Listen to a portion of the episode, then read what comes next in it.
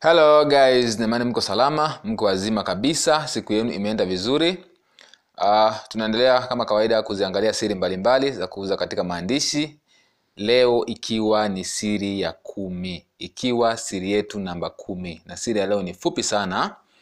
Uh, nataka nishie na nyinyi ili wasaidie kuweza kuuza bidhaa ama huduma zenu kwa haraka zaidi kuliko washindani wako. Uh, siri ya kumi inaitwa offer testing.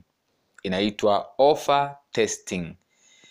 Hii offer testing maana yake uh, ni siri ambayo inaelezea hasa hasa katika upande wa offer. Kama unataka kutoa ofa yako ya bidhaa ama huduma yako utoe ofa ya aina gani ambayo ina mwitiko mkubwa kwa wateja wako.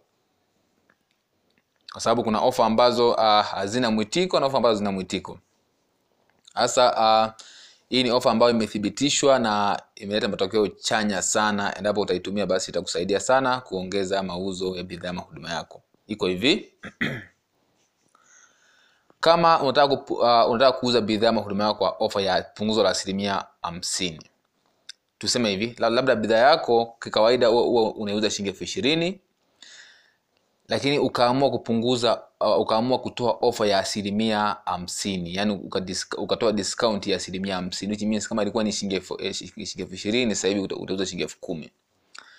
Badala ya kusema na umetoa discount au ofa ya asilimia hamsini tumia staili hii hapa naenda kukwambia badala ya kusema natoa ofa ya discount ya asilimia hamsini. Sema hivi wanasema uh, buy one get one free.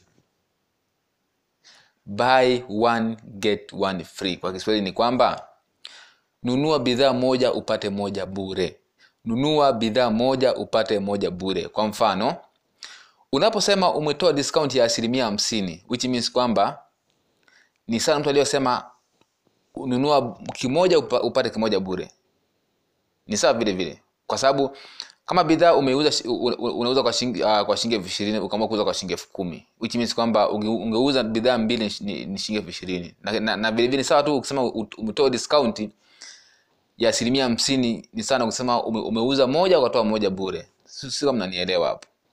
Yaani badala ya kusema umetoa discount ya asilimia hamsini tumia neno nunua moja pata moja bure.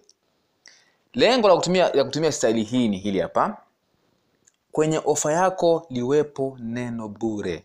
Na nishawaambia binadamu hawezi kujizuia endapo atasikia neno free au neno bure. Neno bure au neno free kwenye saikolojia ya binadamu halizuiliki. Huwezi kujizuia kuchukua hatua endapo atasikia neno bure. Sema hapo.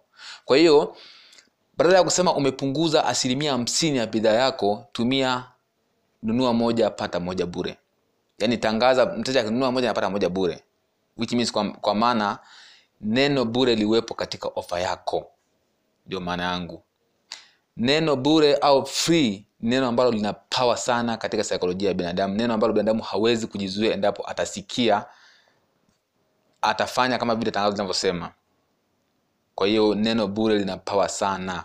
Lengo la kutumia mbinu hii ni liwepo neno bure katika tangazo katika ofa yako. Ukisema nimetoa discount ya asilimia hamsini unaweza usipate mwitiko mzuri.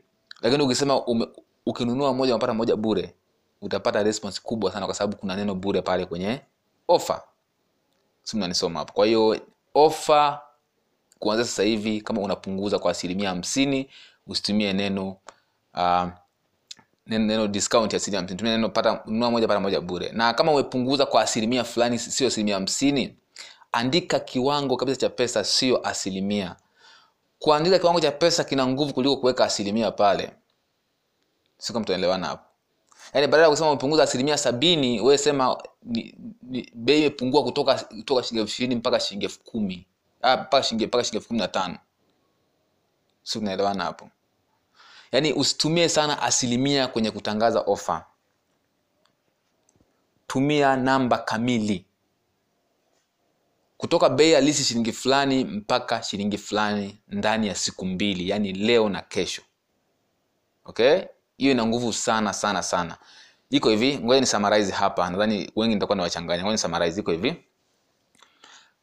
Kama bidhaa yako imepungua kwa asilimia hamsini kwa mfano kama bei ya bidhaa yako halisi ni shilingi elfu ishirini ukaamua kupunguza asilimia hamsini which kwamba bidhaa yako itauzwa kwa shilingi elfu kumi. Baada ya kusema umepunguza asilimia hamsini waambie wateja wako ukinunua moja unapata moja bure. Hiyo ni siri ya kwanza.